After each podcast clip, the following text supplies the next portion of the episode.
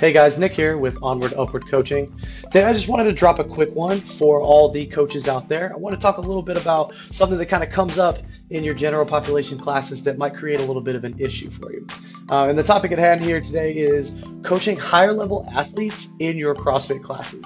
So these athletes that I'm talking about are the athletes that tend to progress very quickly early on. They pick up skills, double unders, pull ups, um, barbell movements. They pick those up pretty quickly and they get to a level that's pretty impressive. It makes you like, wow, they got really good. They're the people that you say are fit. They're probably the people that are the top scores in the whiteboard most days.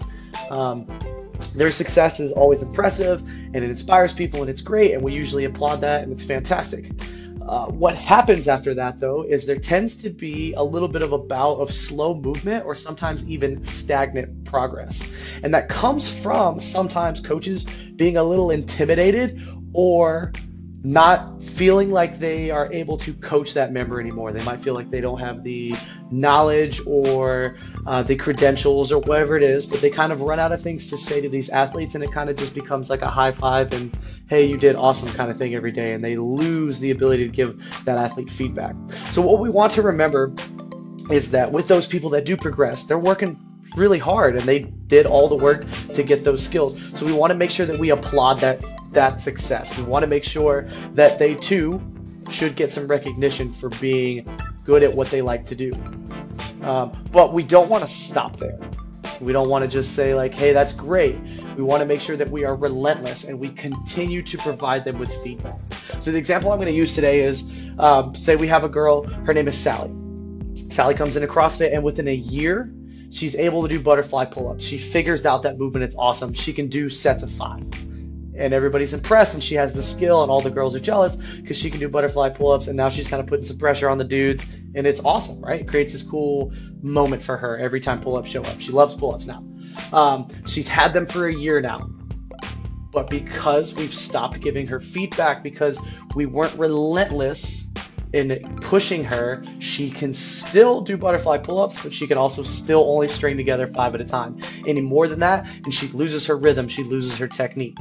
That's an instance where somebody gained a skill, but her coaches didn't stay on top of her to refine that skill, refine that technique, and find ways to maybe get her into a tighter body position so that she's more efficient as she kips through each rep, or strengthen her shoulders so that they'll hold up over more and more reps, or even just build overall grip strength. Um, it's a situation where there could be more done, but there just isn't because it looks like the skill has been acquired and we've moved on to something else or we've just stopped discussing it entirely. So that creates the situation where sometimes, again, coaches get intimidated. They're like, well, it looks like a butterfly pull up, so I guess I'm done. I'm going to tell them good job and move on. Never believe that your coaching ability isn't good enough for any athlete. You are there for a reason. Somebody has entrusted you with this position to lead athletes through these classes and teach them these skills. So never believe that you are beneath any athlete that you have nothing to offer. You always have something to offer. Even the smallest thing can help somebody. Uh, so I don't want you to be intimidated by coaching these higher level athletes. Find something to do. They're in your class for a reason. They want to learn too. Um, this goes especially for coaches. I know a lot of gyms have coaches that jump into their regular scheduled classes, and I think that's amazing.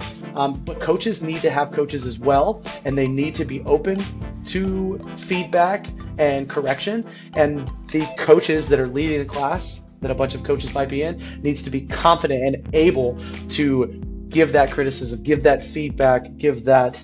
Um, that cueing and helping within those classes. And coaching should be a conversation is there should be mutual respect between the coach and the athlete. And that goes for if that athlete is brand new, they started yesterday, if they're a veteran, they've been doing it since 2012, or especially if they're a coach. There should be mutual respect from the coach and the athlete, no matter what their roles or titles are. Because everyone is in the gym to learn, and even the elite have coaches.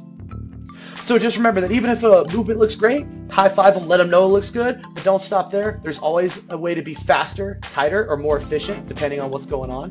And if you don't have an answer, you now have some homework. You have an opportunity to learn so that you can continue to grow as a coach. So ask a subject matter expert, read some educational material, or even search YouTube. Never stop learning. That way, there will never be a ceiling for your ability to help people. All right, guys, have fun. Keep getting out there and passing out the fitness.